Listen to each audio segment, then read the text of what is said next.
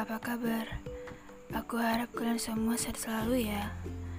Aku ada beberapa pesan buat kalian semua untuk perangi COVID-19 ini. Yang pertama, gunakan feed dan story. Kita bisa menggunakan feed dan story di Instagram untuk membagikan informasi-informasi penting dan positif mengenai pandemi virus corona. Jangan lupa ya, informasi yang kamu sampaikan juga harus akurat. Kedua, ajak masyarakat untuk beraktivitas seru di rumah. Kamu bisa memanfaatkan berbagai fitur Instagram untuk mengajak masyarakat beraktivitas seru di rumah, seperti mengajak berolahraga lewat Instagram Live, atau juga mengikuti kelas melukis online bersama. Yang ketiga, penggalangan dana. Memerangi COVID-19 ini membutuhkan biaya yang cukup tinggi.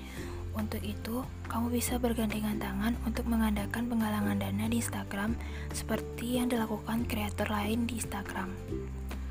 Keempat, menjalani bisnis dan mendorong masyarakat untuk berada di rumah.